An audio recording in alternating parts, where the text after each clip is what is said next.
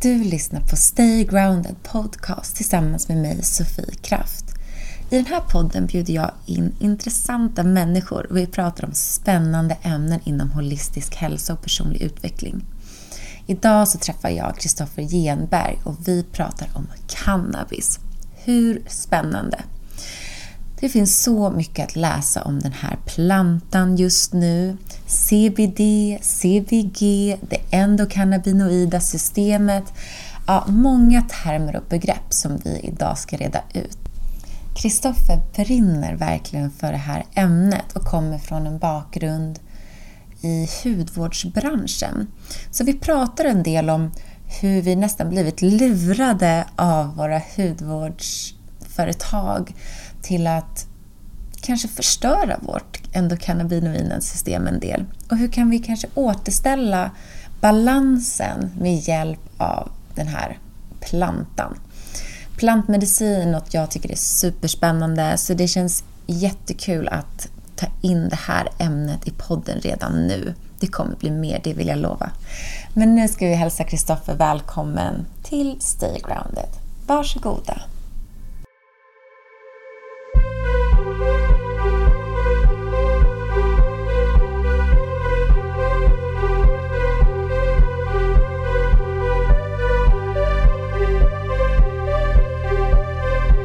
Vi kör! Vi kör! Varmt välkommen Kristoffer Genberg. Tack så mycket. Så härligt att du är här. Vi har redan suttit och babblat och skrattat. Jag är redan uppe i så bra energi. Jag behövde dig idag känner jag den här regniga, regniga februari eftermiddagen. Stockholm bjuder inte på bästa vädret idag. Nej.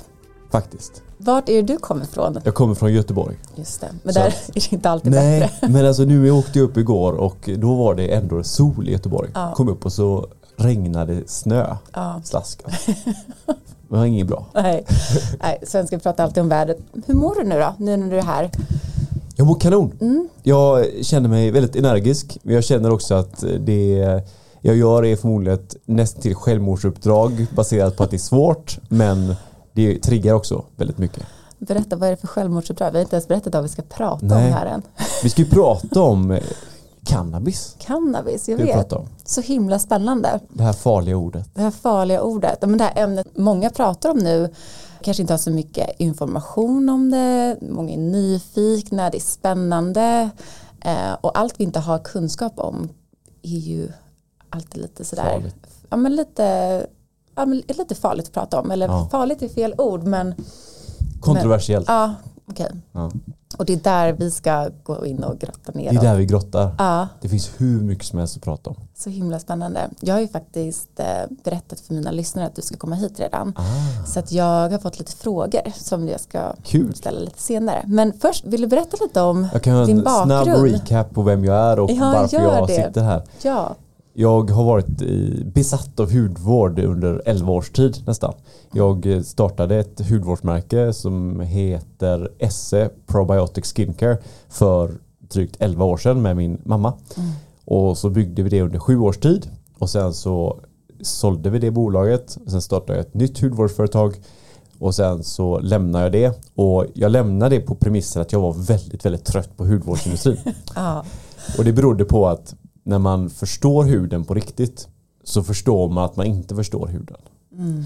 För att när man förstår hur komplex huden är så förstår man också att det vi gör med huden, med hudvård överlag, kanske inte alltid är optimalt. Så jag var trött på hudvårdsindustrin men tänkte då göra något helt annat.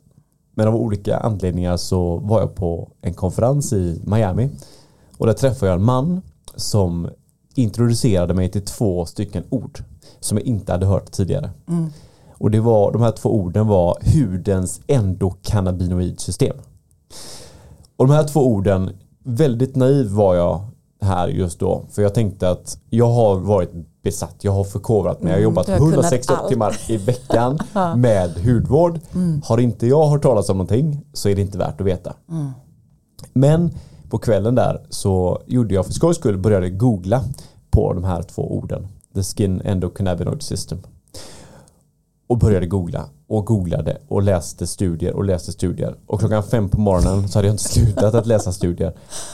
Och då insåg jag att jag har missat det absolut mest grundläggande viktiga systemet vi har i vår hud. Som ingen pratar om. Och jag ska alldeles strax förklara vad det är på ett försöka ganska enkelt sätt. Ja, för det är många, jag har ju också liksom börjat läsa lite nu när jag skulle träffa dig och redan när vi har pratat om det innan. Det är så mycket svåra ord och det känns som att det Ja. är lite svårt att förstå och hänga med och det är olika delar av olika ord. Och det Ja men exakt, Ja. Nej, men det, det- det är väldigt svårt, det är ett väldigt klurigt system. Och jag tror att det är en av anledningarna till väldigt, att väldigt få företag pratar om det. För att det är både väldigt komplext men också väldigt kontroversiellt med cannabis. Och endokannabinoidsystemet har ingenting med cannabis att göra. De har ingen koppling. Så även om man aldrig har sett en cannabisplanta så har alla människor och alla djur ett sånt här system.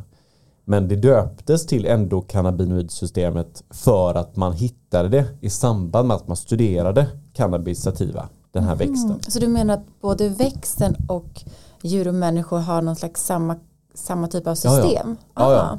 Det här är, om man ska förenkla det, jag tänkte först gå igenom, det består av tre delar. Mm. Jag tänkte först förklara de tre delarna och sen kan jag använda liknelse för att få dig Ja, som lyssnar och vi. dig Sofie att förstå detta. Det gillar vi. Okej, det här systemet består av tre delar. Det består av receptorer. Det finns två olika receptorer. En som heter CB1 och en som heter CB2. De här receptorerna kan liknas vid hänglås. Och de här hänglåsen finns i varje cell i vår kropp, i varje del av vår kropp, varenda funktion i vår kropp och varje cell, varje hudcell har som de här hänglåsen på sig. Sen har vi någonting som kallas för endokannabinoider.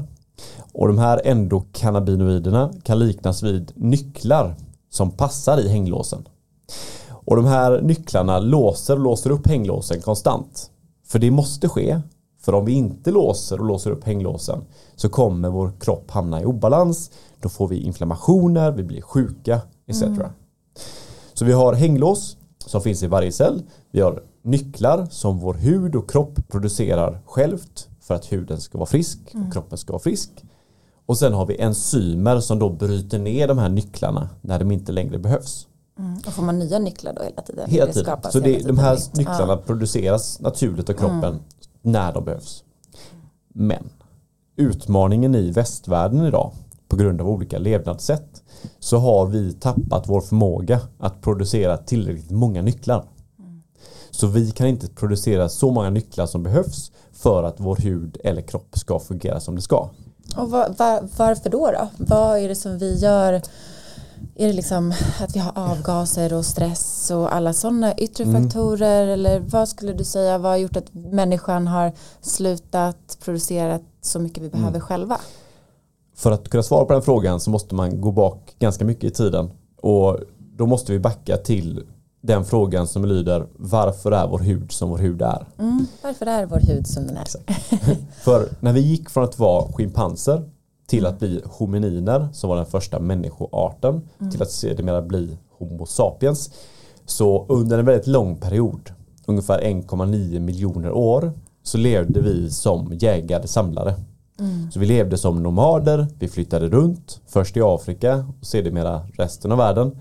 Och vår hud och kropp, men framförallt hud, anpassade sig till den här livsstilen. Vi anpassas, anpassade oss till att vara ute konstant, att dela mikrober, olika mikroorganismer med Bakterier naturen. och svampar. Bakterier, och- virus, svampar, Ja. protista, arkeer med naturen. Och sen efter 1,9 miljoner år Vänta, så, får jag stoppa dig? Tror, du, tror du att samlar och jägarfolket, tror ni de gjorde någonting för sin hud? Eller tror de sket fullständigt i det? Eller De tror du att de liksom gjorde små ansiktsmasker av lera och lava? Och tror, bara, det- bara en gissning. Nej, eh, Nej. de, de, de, hade hittat- perfekt hy hela tiden. Ja, Ja. det är det. Om man säger så här att efter de här 1,9 miljoner åren så började vissa bli jordbrukare. Så man stagnerar på en plats. Och så levde vi som jordbrukare under 8000 år. Och sen de senaste typ 120 åren så har vi levt som moderna människor. Och vår livsstil idag är långt ifrån ett liv som jägare-samlare. Mm, såklart. Så att huden är byggd för ett liv som jägare-samlare medan vi lever ett liv som är långt ifrån den livsstilen. Och som svar på din fråga man har ju studerat då de sista personerna idag som fortfarande lever ett liv som jägare-samlare. Mm. Oavsett om man studerar de som bor i Sydamerika eller i Afrika eller på andra delar av världen så ser man gång på gång att de har inte hudproblem. Nej. Det existerar inte. Typ akne och eksem. Akne finns inte, eksem finns inte, periodermatit finns inte, wow. eh, mm. rosacea finns inte. Mm. De har inte känslig hud. Och i många fall så har de inte ens ord för de här hudåkommorna. Det Nej. existerar inte. Nej. Gud vad intressant. Och så, sen här i vår värld så blir det bara värre och värre fast ja, ja. vi har alla möjliga produkter och behandlingar ja, och trender inom hudvård och allting. 86% av alla tonåringar idag mm. mellan 12 till 24 år har akne. Mm. Du har ungefär 10 till 12% av alla människor i västvärlden har eksem. Mm. Du har någonstans runt 42 till 56% av alla personer i västvärlden har extremt eller väldigt känslig hud. Och de här siffrorna ökar år efter år. Mm. Och samtidigt så har vi en hudvårdsindustri som växer år efter år. Ja, ja det, det går liksom inte ihop. Det, det, det, det går åt inte fel logiskt. håll. Ja, nej, det är inte logiskt.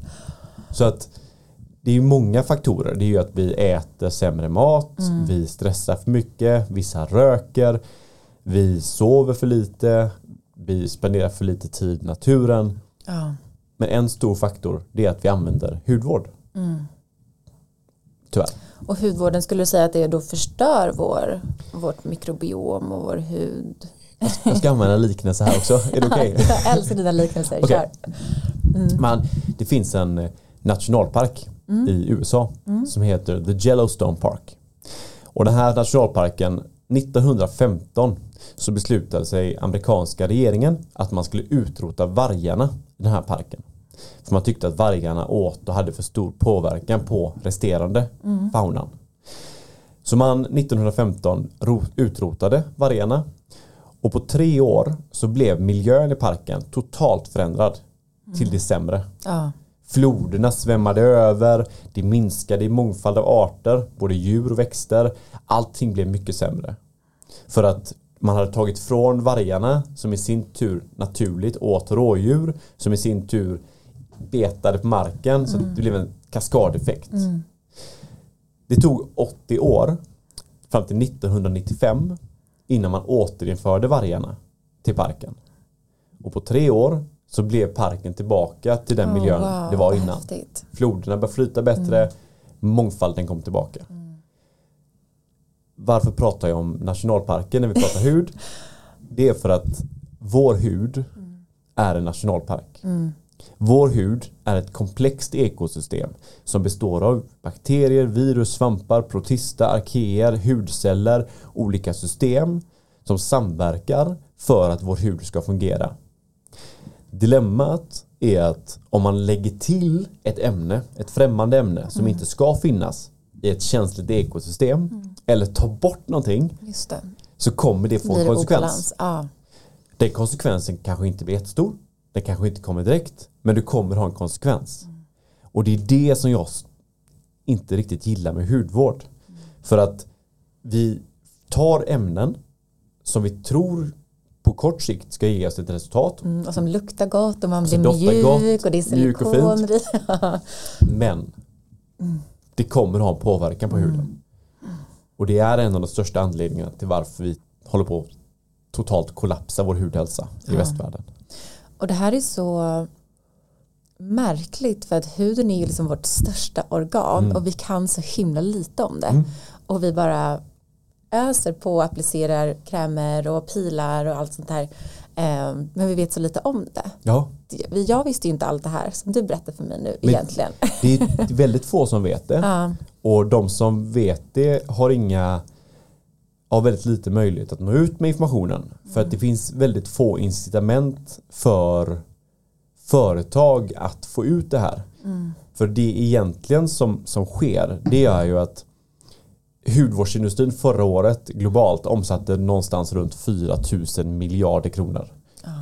Det finns minst 40 000 registrerade hudvårdsprodukter och säkerligen det dubbla icke-registrerade. Mm. Det finns väldigt stora incitament för att de här bolagen som är så stora inte vill ha ut information som bygger på att deras verksamhet kanske inte håller i grunden. Mm. Och Självklart, ja. ja, det, det sen Och finns, de, de lämnar väl bara informationen som gynnar deras Ja, ja. eh, produkter. klart. Liksom. det är klart. Mm.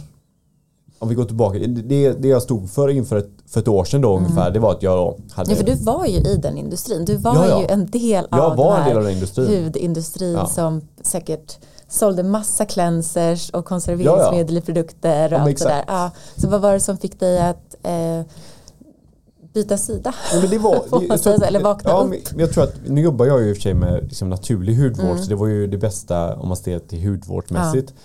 Men jag tror att mitt uppvaknande kom när jag förstod just det här, det här känsliga ekosystemet. När man förstod hur komplext det, Det är det vi kallar är. för vårt mikrobiom, eller hur? Ja, men Eller? mikrobiomet är ju upps, uppsättningen av mikrober på Mm. huden. Så att det är en sak. Mm. Men om man ser helheten, Mm. om man tar både cellerna och mikroberna och Mm. alla de här systemen. Mm. De tillsammans, det finns egentligen inget direkt ord för det. Nej. Men det går inte att till 100% förstå den kopplingen. Den är så komplex och har utvecklats under så lång tid av evolution att det går typ inte att förstå. Mm. Däremot så, det man kan förstå och det jag förstod för ett år sedan det var att det här grundläggande systemet, det här endokannabinoidsystemet, det är Mm. ett svårt ord. Ja, jag är imponerad att du kan säga rätt varje gång. För ett år sedan så stod jag där och, och hade läst det här om det här systemet. Mm. Det påverkar varenda funktion i huden. Det påverkar allt från sebumproduktionen, alltså hur mycket olja som produceras. Mm. Det påverkar cellförnyelseprocessen, Mm. hur många celler som produceras och hur snabbt de produceras eller delar på sig. Det påverkar hårsäcksproduktionen. Det påverkar allt. När jag förstod det så tänkte jag så här, okej, det finns ett system som styr allt och i teorin i alla fall så finns det ämnen som kan hjälpa det här systemet att komma i balans. Men om det hade funkat i praktiken då hade väl alla hudvårdsföretag gjort detta. Ja, eller hur? Eller hur? Mm. Det är ju logiskt. Mm. Så det kan ju inte funka. Men det jag gjorde för skojs skull det var att jag hittade ett nederländskt bolag som jobbar med CBD för oralt bruk. Mm. Och så beställde jag 40 stycken oljor för dem. Som jag hade komponerat själv. Och så fick jag hem dem. Och så gav jag ut dem till personer jag träffat under min period i hudvårdsindustrin. För att de här oljorna innehåller det då en koncentrerad Mm, det, dos eller form av något som hjälper det här endokannabinoidsystemet. bra! Yes. Du tog det på första försöket. Jättebra. Ja. Ja exakt. Så att det jag, det jag kikade på då det var ju då CBD eller cannabidiol som det heter och CBG, cannabigerol. I en MCT-olja som heter medium chain triglycerides. Men jag beställde hem de här oljorna, gav ut dem till väl utvalda personer jag känner. Hudterapeuter, dermatologer, människor som inte fått hjälp av de märkena jag jobbat med tidigare. Mm. Jag gav ut dem och sa använd bara de här oljorna. Efter två veckor fick jag feedback och feedbacken var outstanding. Liksom. Det var så fina resultat. Mm. Och då kände jag att jag måste göra det här. Mm. Så. eh, Och börja utbilda fler folk kanske. Få om- folk att få en förstå. bättre hud. Ja. Men kan vi inte bryta ner det ännu lite mer? Jo. För att okej, så nu använder du, eller du kommer i kontakt med CBD. Eh, men för de som inte har hört talas om, om CBD är Mm. inte så mycket nu. Det är ju, finns står lite överallt liksom på nätet och många nya hudvårdsprodukter använder ju det här, står det. Det kommer ju från cannabisplantan. Och vad är det då för skillnad? För där har jag också förstått att det är en hel värld. Att det är liksom, något kommer från bladen, något är blomma, något är skälken, något är hampa. Det är något helt annat som man kan göra underkläder av. Ja. Liksom, Vill du Vi- bryta ner det Okej, också? Vi ska bryta ner det här nu. Bra, Nu när jag ändå har det här, Yes. jag vill ju lära mig allt. Växten heter cannabis sativa. Mm. Sen finns det två olika delar av cannabis sativa. Det ena heter marijuana Mm. och det andra heter hampa. Det är exakt samma växtfamilj men med skillnaden att det blir marijuana om plantan innehåller mer än 0,2% THC. THC är det ämnet man blir hög av när man Mm. röker gräs. Det som många förknippar då med marijuana. Mm. Hampa blir det om det innehåller 0,2% eller lägre dos med THC. Så det enda skillnaden på hampa och marijuana det är hur mycket THC okej. som växten innehåller. Och kan man bestämma då i labb och så hur mycket en växt ska innehålla eller är det någonting man extraherar efteråt? Nej, Nej. Det, det, det får inte extrahera det efteråt utan Nej. det måste vara att plantan i sig Ja, innehåller. så vissa plantor är extra potenta för Exakt. typ röker marijuana och Exakt. vissa kanske är då Mm. lite lägre THC-nivåer som Ja. används mer i hudvård och eh, för oralt bruk kanske. Exakt. Mm, okej. Och hampa kan man ju använda till jättemycket saker. Fram till 1900-talets början innan bomullsindustrin blev jättestor så användes hampa till i princip allt. Eh, Ja. Kläder, rep, böcker. Man kan göra jättemycket. Det är mycket mer hållbart än bomull. Och växer snabbt va? Det, det? Mm. heter weed för att det är ogräs. Det växer hur mycket som helst. Du kan skörda hur mycket som helst. Ja. Och det här hampa är fantastiskt Mm. men lång historia kort så har det, det har blivit kontroversiellt. Eh, I hampa och i marijuana så finns det ungefär 400 olika ämnen. Så att av den här växten som är väldigt kontroversiell Mm. så är det bara ett ämne som är kontroversiellt och det är Och det är THC. Mm. Sen finns det CBD, det finns CBG, det finns CBC, det finns CBN, massa olika ämnen. De två som är både lagliga i Europa men även de som är bäst för oss människor det är CBD och CBG. CBD står för cannabidiol och fungerar i vår kropp och på vår hud genom att den minskar nedbrytandet av våra egna nycklar. Ah, okej. Så det som sker när vi adderar det på huden det är att de här nycklarna som vi pratade om i början de som styr hänglåsen de bryts ner i en långsammare takt om man adderar CBD. Medan CBG, cannabigerol, fungerar som en identisk kopia av våra egna nycklar. Okej. Så att molekylärt så är CBG identiskt med våra egna endokannabinoider, våra egna nycklar. Så att de här nycklarna som vi kan lägga på utifrån, de sätter sig på hänglåsen, skapar balans i vårt endokannabinoidsystem och så blir huden och fantastiskt fin i balans. Så. Det låter helt fantastiskt, underbart. Och är det då, nu pratar vi om det i, i hudvård, men det är, det är ju också väldigt många som eh, tar det invärtes, typ på, och det är alltid frågan nu får är det lagligt, är det olagligt, det är lagligt i vissa länder, vad är det för regler som gäller kring den här oljan som alla pratar om? Ja. Fram till 2019 så var CBD-olja oralt lagligt i Sverige. Det var väldigt många företag som började starta CBD-märken för att då sälja CBD för oralt bruk. Men 2019 så gick Läkemedelsverket ut och sa att vi klassar det här som läkemedel och därför måste man ha en läkemedelsklassning för att få sälja det här i Sverige. Och de har inte gett ut några läkemedelsklassningar till företag. Så att i princip så har de förbjudit det i Sverige. Men det finns också en lagstiftning i EU som säger att om någonting är lagligt i ett EU-land så är det automatiskt lagligt i alla EU-länder. Om det inte har en allmän hälsoskadlig effekt för samhället. Och det gör att som svensk så får man köpa oral CBD. Fast som svenskt företag så får du inte sälja oral CBD. Så att man kan köpa som svenskt oral CBD fast och det finns många företag som ligger i andra länder som säljer på svenska till svenska kunder. Men som svenskt företag så får du inte sälja oral CBD. Med en liten brasklapp. För att i Europa så är det också lagligt att ha upp till 0,2% THC i oral CBD. Men det är det inte i Sverige, eller? I Sverige så är THC oavsett hur låg mängd narkotikaklassat. Ah. Så att om du beställer en produkt från vilket land som helst i Europa som är lagligt där. Så kan den fortfarande ha den här THC-halten och vara olaglig i Sverige? då? Om, det, om du beställer det Mm. och det kommer in och så är det en eh, narkotikahund som är här vid postterminalen och de reagerar på det. Då är det narkotikainnehav. Mhm. Trots att det är lagligt i alla andra EU-länder Mm. och att det inte kan ge någon som helst effekt, i Effekt, form av ja. ruseffekt.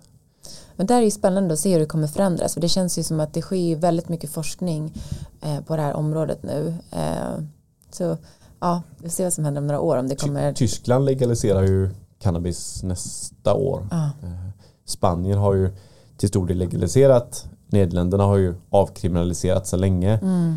Portugal, har Portugal, legaliserat. Så att det sker ju mycket i branschen. Mm. Men i grund och botten så kommer det att ta väldigt lång tid innan Sverige är där. Ja. Eh, Men CBD återigen i hudvård är kanon och Mm. helt lagligt.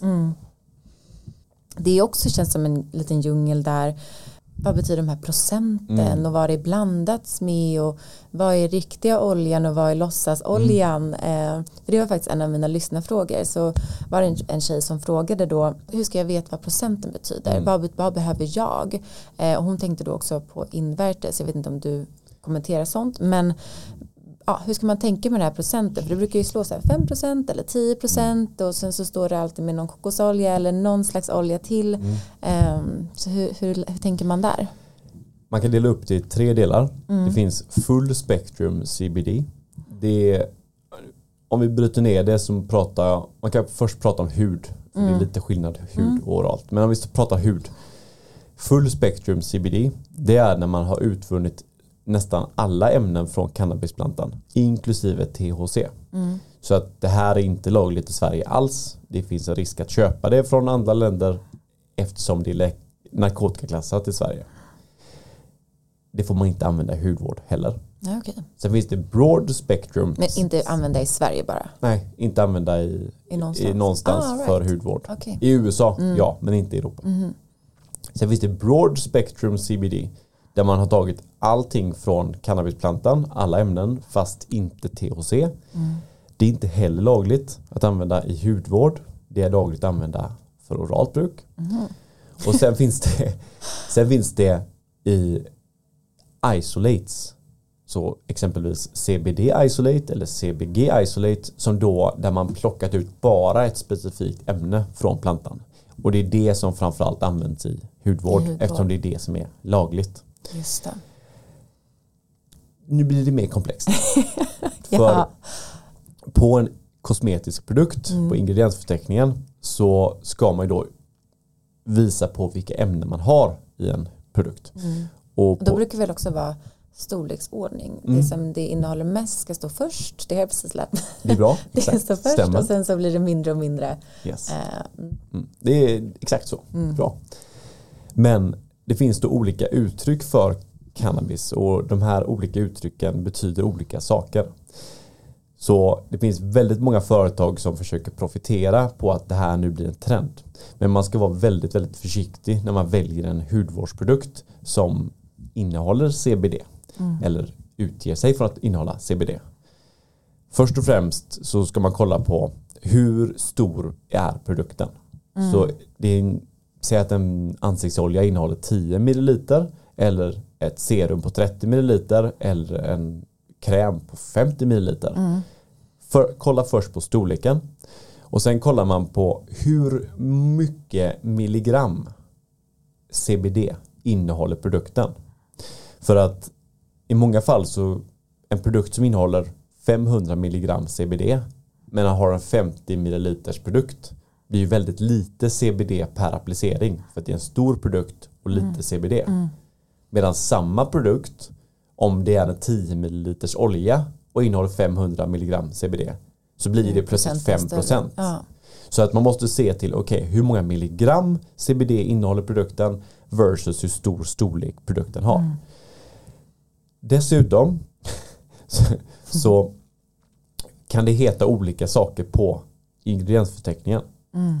Så först och Det är främst. så bra att vi har dig här. Det är bästa skolan. eh, Tack. Ja, Mm. det här är klurigt men jag Ja. försöker. Mm. Det finns cannabis sativa seed oil. Och även fast man kan tro att det har med cannabis att göra och som det har så är det hampafröolja. Och man ska inte förknippa hampafröolja som kommer från fröna på cannabisplantan med CBD. Cannabis sativa seed oil innehåller inte CBD eller CBG eller några andra cannabinoider. Så att det är bara utesluta. Ja. Det är inte dåligt, det är bra för huden men det har ingenting med CBD att göra. Okej. Mm. Sen har du Cannabis sativa leaf extract. Där man då utvinner CBD från lövet. Det kluriga med det Det är att om man ser till CBD, vad CBD heter på en ingrediensförteckning så står det cannabidiol. Och CBG heter cannabigerol på ingrediensförteckningen. Cannabis sativa leaf extract är lite oklart vad det är. Och det behöver man inte redogöra för som hudvårdsföretag. För CBD i sin rena form är som en kristall. Så för att få ut CBD i en hudvårdsprodukt så måste du blanda ut den här kristallen med en olja. Ofta då en MCT, alltså kokosolja eller hampafröolja. Och när man då ser cannabis sativa leaf extract på en CBD hudvårdsprodukt så är ofta det en blandning av en bärarolja med CBD. Just det. Men man vet inte hur mycket ren CBD som den här produkten innehåller. Mm. För det behöver inte hudvårdsföretaget redogöra för. det behöver man inte ens skriva. Nej. Så det enda sättet man kan upptäcka det, Ja. det är att fråga. Ja. Och ofta svarar de inte. Mejlet hamnar i spamboxen tyvärr. Ja, någon så här medveten spambox kanske. Eh, Exakt. Aha, men gud. Det, ja, det är mycket att hålla reda på. Ja. Men jag har testat mig fram och jag skulle säga att i hudvård så måste du i alla fall ha någonstans runt 10% CBD för att det ska ge Någon effekt. rätt hög effekt. Ja. Och vad skulle du säga effekterna är? Vad är liksom benefits till att använda eh, CBD för hudens ekosystem? Bra. Eh, det finns många olika aspekter. Den första aspekten som jag tycker är häftigast det är att om vi adderar de här nycklarna till våra hud så kommer det påverka våra talgkörtlar. Och talgkörtlarna är de som tillverkar de här oljorna vi har i huden. Sebumet. Och sebumet har man länge trott har varit ett smörjmedel för huden. Men sebumet har en mycket större betydelse än så. För sebumet har utvecklats med vår hud under väldigt lång tid. Och sebumet finns bara i vår kropp. Du kan inte hitta sebum någon annanstans i hela djurriket. Det finns bara i vår mänskliga kropp. Och det här sebumet består av triglycerier, fria fettsyror, vaxestrar, kolväten, en mängd olika ämnen som är extremt komplexa. Och de här oljorna tar 7% av vår totala energi att producera. Jag ska återupprepa det. Av allting vi äter, av all vår energi som vi förbrukar som människor så kommer 7% gå åt till att producera de här oljorna. Så att de finns bara i vår kropp. De tar 7% av all vår energi att producera. Och de har utvecklats under 1,9 miljoner år. Ja. Det här sebumet är nyckeln till en frisk hud. För att det här sebumet matar bland annat den här mikrobiella mångfalden, alla bakterier vi behöver på huden. Så att har vi en bra sebumproduktion så kommer vi ha en bättre motståndskraft mot inflammationer. Och adderar vi CBD på huden så kommer vi ha en bättre sebumproduktion. Den är mer balanserad och sebumkvaliteten är bättre.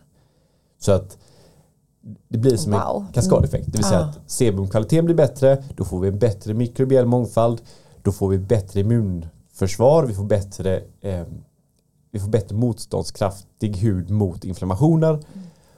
Och om man vill ha en så frisk och ung hud så länge som möjligt så ska man motverka inflammation. För att en inflammerad hud Ta mer energi då. den åldras dubbelt så snabbt som en icke-inflammerad hud. Just det. Så att om du som lyssnar vill ha liksom anti-aging på riktigt så Ja. försök motverka inflammationer. Men okej, om, man, om man inte vill ha CBD på sin hud eller ta det, hur kan man då boosta sitt, sin sebumproduktionen då? Sin det här eh, energi Du, kan, Finns det några andra knep? Ja, det finns många olika sätt att stärka det här endokannabinoidsystemet. Mm. Det finns Endocannabidoid. Fan, endokannab- nu tappade jag det. endokannabinoidsystem. ja. Man kan, det som påverkar som man har sett än så länge det är sömn. Man, dålig sömn påverkar på ett negativt sätt. Man kan äta ganska många olika typer av mat och även probiotika för oralt bruk, kosttillskott. Du har eh, meditation, alltså mindre stress, påverkar också direkt det här systemet. Du har omega. Omega 3 och 6, framförallt de två, är jätteviktiga för att ha ett bra endokannabinoidsystem. Av den anledningen att våra nycklar byggs upp av omega 3 och 6. Så har vi för lite med omega 3 och 6 i vår kropp så kommer vi påverka nyckelproduktionen och det påverkar systemet. Så det finns många olika sätt man kan påverka det förutom Mm. att använda CBD. Ja, wow. Jag känner att jag bara vill ösa min kropp med CBD just nu. Ja, det, det är ett spännande ämne och det, Det är det är jättespännande. typ ingen som pratar om det. Nej, det är inte det- på det här sättet Men det går inte heller. att patentera. Det är det. Det, Mm. det. det som inte går att patentera finns inte så mycket ekonomisk vinning i. Nej, just det. Så är det. Tyvärr. Men tror du att det kommer förändras om det blir lagligt? Tror du att det fler kommer börja eller ja, det borde det väl bli i och för sig. Men ja, vad tror du om liksom framtiden? Liksom, vad, vad är dina, om du sätter på dig spådamsögonen, liksom, vad, spårdamsögon. Klassiska. Ja. Jag, eller vad hoppas du? Kanske Jag det. hoppas att för, det du, för du använder ju det själv och det har Ja. hjälpt dig och din familj. nej men jag hoppas ju givetvis på att man ska börja använda detta och att det ska bli mer accepterat. Främst i hudvård. Både och. Ja. Det, jag har sett och läst väldigt mycket om det här även för kroppsligt bruk. Men om man sa huden för att det är liksom det vi pratar om framförallt nu. Så den här branschen är så väldigt märklig, hudvårdsbranschen. För det finns så sjukt mycket produkter. Och om man ser på det krasst så är det väldigt, väldigt lite som behövs för att få en bättre hudhälsa. ja. Det låter det kanske Kroppen skapar väl redan det Vi egentligen behöver inte hudvård vi egentligen. behöver. Nej. Jag menar, vi, vi har inte haft, vi hade inte hudvård de första 1,9 miljoner åren som människor. Och sen har vi dock givetvis ändrat vår livsstil. Mm, mer Men- avgaser, mer sånt där ju. Det är väl det många Pratar pratar om. ja. Att vi, är så här, men vi behöver tvätta bort alla eh, dåliga partiklar. Ja, det, och, det, det är ju sant. Du behöver min, om jag ska estimera hur många produkter som skulle behövas för att i princip lösa alla de problem som hudvårdsindustrin försöker lösa. Mm. Fem. Ja, berätta då. Jag tror att du behöver en makeup remover som Mm. tar bort makeup och tar bort smuts, alltså gi- gifter och föroreningar i luften. Mm. Den makeup removern måste ta bort det här utan att varken skada hudens mikrobiom eh, eller skada det här känsliga ek- ekosystemet. Mm. Det är första produkten. Andra produkten är en ansiktsolja som innehåller ganska hög halt CBD och lite mindre CBG av den anledningen till de som är 50 år och yngre typ. De behöver en viss olja. Och sen behöver du en olja som är till för de som är 50 år och äldre som innehåller mer CBG Ja. för det är en bättre boost för åldrad hud. Mm. Det är tre produkter. Sen behöver du eh, Egentligen behöver man bara fyra produkter. Men fukt pratar alla om. Man Exakt. behöver tillsätta fukt. Ja, Kan man dricka mer vatten bara? Men, men du behöver förmodligen en moisturizer också Mm. som på något sätt ger fukt och den moisturizern får inte heller innehålla ämnen som skadar varken hudens mikrobiella mångfald eller endokannabinoidsystemet. Just det. Typ konserver- det är så mycket konserveringsmedel och ja. ämnen som är väldigt höga, låga pH-värden är Ja. katastrof. Överlag ämnen som inte ska finnas på huden Mm. är inte bra. Eh, kan ge kortsiktig effekt, långsiktigt så är det inte optimalt. Mhm. Och de här produkterna, de kan lösa så mycket. Det, det är inte så svårt Nej. egentligen. Och sen ta hand om sin hälsa, Exakt. sova bra, äta bra, Ja. träna. Alltså allt är ju ett, det är ett holistiskt tänk Ja, ja. Med, med det här verkligen. För Exakt. att vi ska ha en bra hud också. Mår vi bra inne?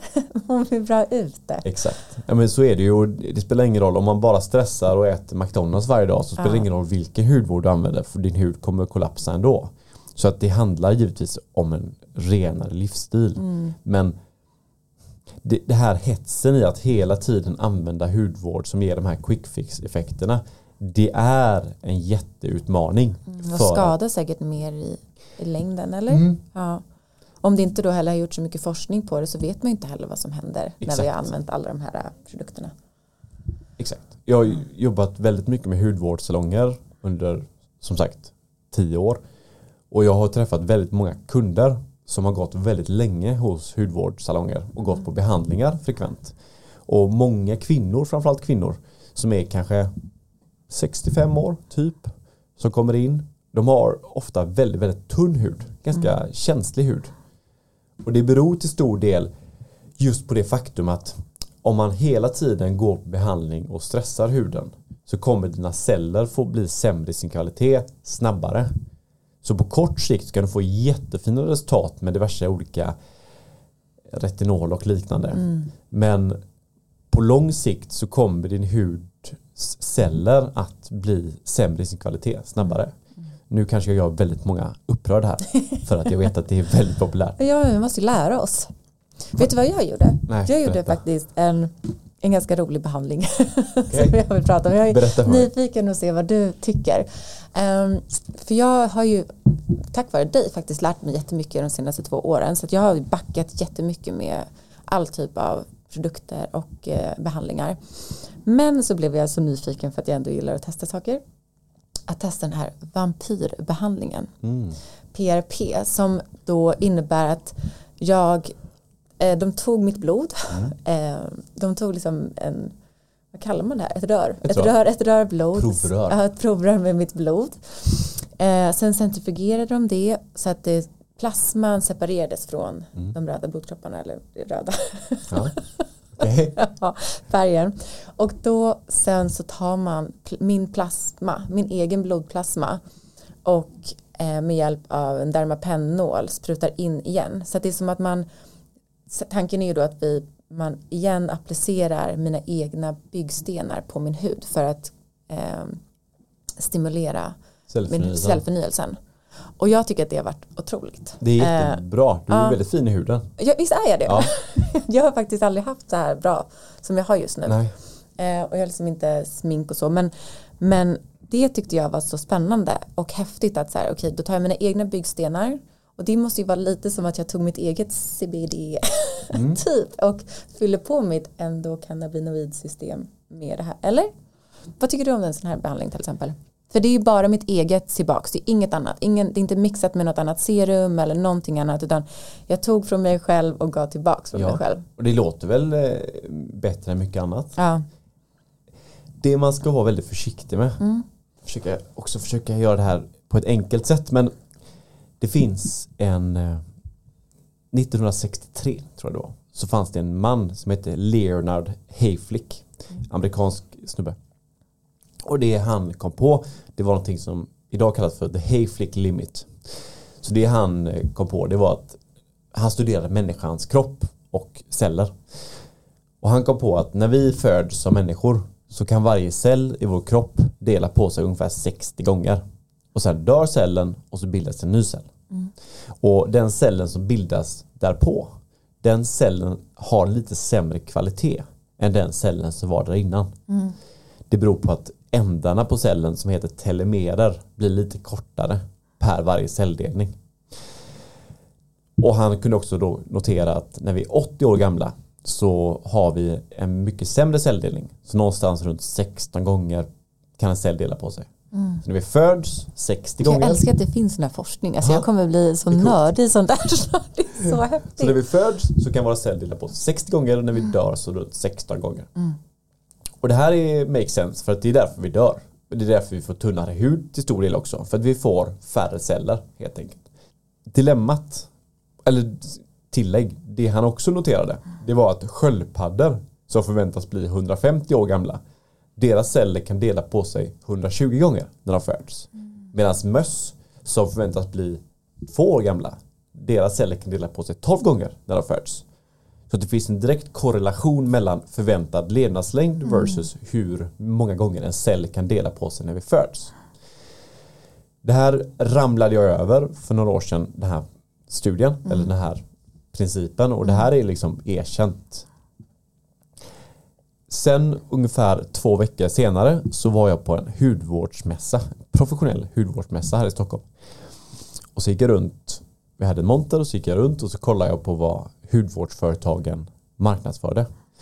Och det som uppkom gång på gång som jag noterade det var det här ämnet, den här produkten, den påskyndar din cellförnyelse. Okej, okay, tänkte jag.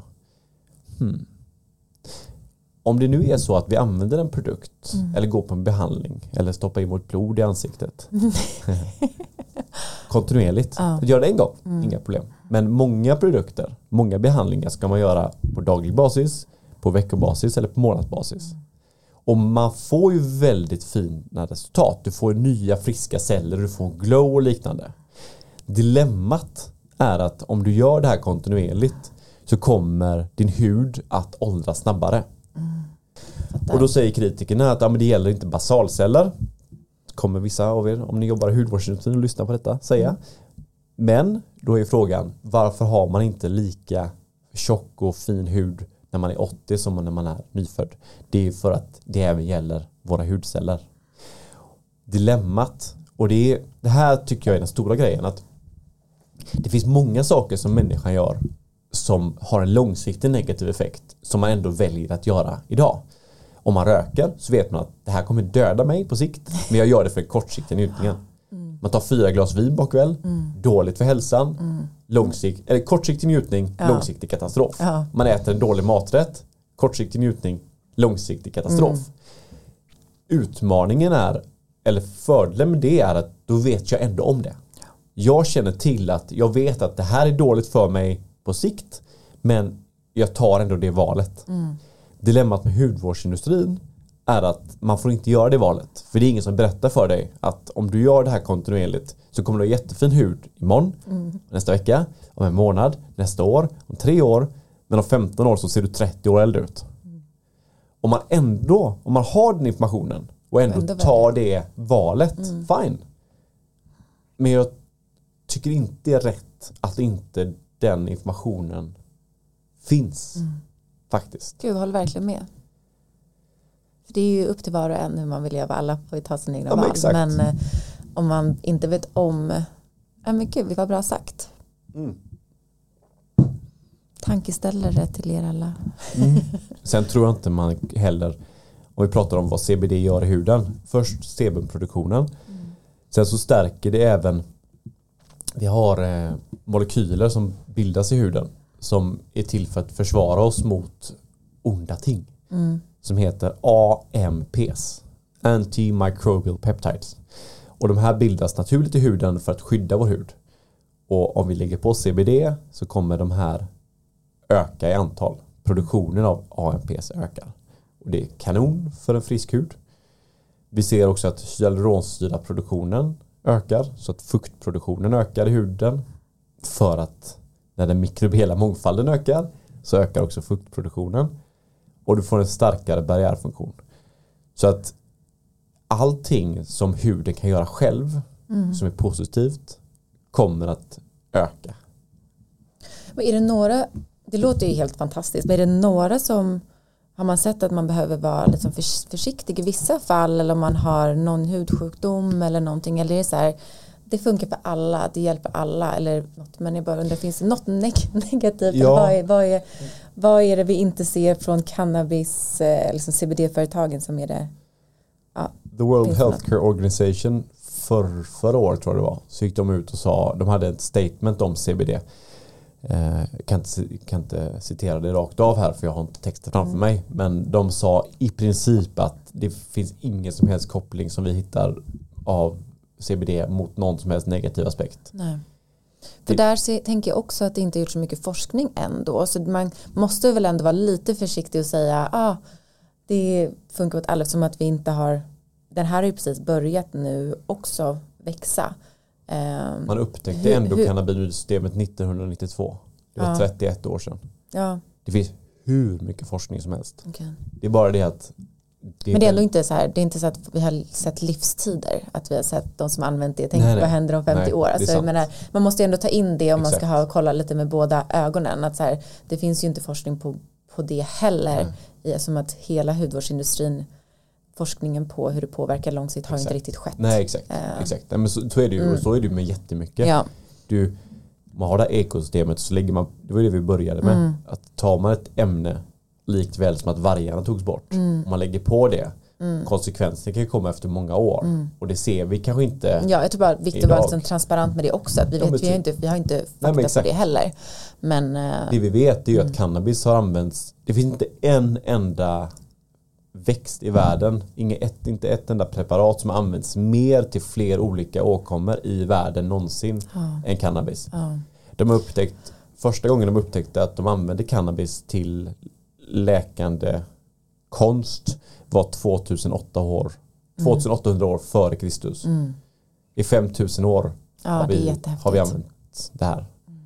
Så att det, det finns ju Ja, men det, det är så spännande för det alltså plantmedicin överhuvudtaget tycker jag är så spännande och det ser jag fram emot att prata mer om i den här podden och liksom, det finns så många olika växter och svampar och allting som man kan prata om och se hur det kan hjälpa människor Ja, på olika absolut. sätt. Det var ju fram till 1900-talets början som all form av all form av medicin var ju växtbaserad. Ja, Det fanns ju inte liksom, piller Nej. patenterbara. labben, labbrockarna fanns inte. Det befanns inte. Nej. Så. Det var ju först 1902 som Rockefeller och Carnegie kom in och Mm. ja, Ja. spännande är det. Jättespännande. Men, och nu, jag vill bara, det här är så mycket information och så himla bra beskrivet allting. Men jag vill ju också eh, lyfta det du gör idag. För att du hjälper ju ändå oss med dina oljor. För du har ett företag idag som Ja. också producerar eh, CBD-olja. Ja. Eh, vill du berätta lite om det? Ja men, nej, Bara nämna det så ja, men så, få- Mm. så när vi startade, det, jag, när jag då fattade att vi kan styra det här systemet och hjälpa människor för att få en bättre hudhälsa med CBD så tog jag fram en ansiktsolja som är outstanding. Jag, Mm. måste, jag är extremt partisk. men, men den är faktiskt jättebra.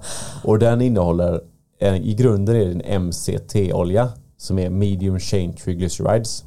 Jag valde den oljan för att triglycerier är den största beståndsdelen av vårt mänskliga sebum. Så det finns redan i vår hud. Den är väldigt också liten i sin molekylära form. Så den går väldigt Den snabbt in i huden. Mm. Man ska in, det kommer från kokos men är inte alls liknande Nej, jag, kokosolja. jag, jag äter MCT-olja också Ja, varje dag. det är bra. Ja. Grymt, kan vara invärtes. Mm. Sen är det 10% ren CBD. Viktigt att säga, ren CBD. På ingrediensförteckningen så är det cannabidiol. 10% och sen är det 0,2% CBG. That's it. Jag har sålt ganska många oljor, nästan tusen nu på Mm. tre månader. Och jag har följt upp väldigt noggrant de som använt det. Och någonstans runt 70-80% av alla klarar sig på enbart oljan. Mm. Det vill säga att man behöver inte ha någon kräm över. Det är galet. Mm, Men jag har ju använt den eh, och jag använder en fuktkräm över också. Ja. Men det jag har tyckt varit coolast med oljan, det har inte jag ens berättat för dig, det är att jag har tyckt att den verkligen har hjälpt på så irriterade hårsäckar. Ja. Det har varit så här, det har varit den enda produkten jag använt som har funkat på det. Ja, Det, hår, det, hårsäckarna har flera CB1 och CB2-receptorer som också påverkas av CBD. och det är ett fint namn, Florani. Florani, Ja. flora som är flora fauna och nio för att det låter bra. Älskar det.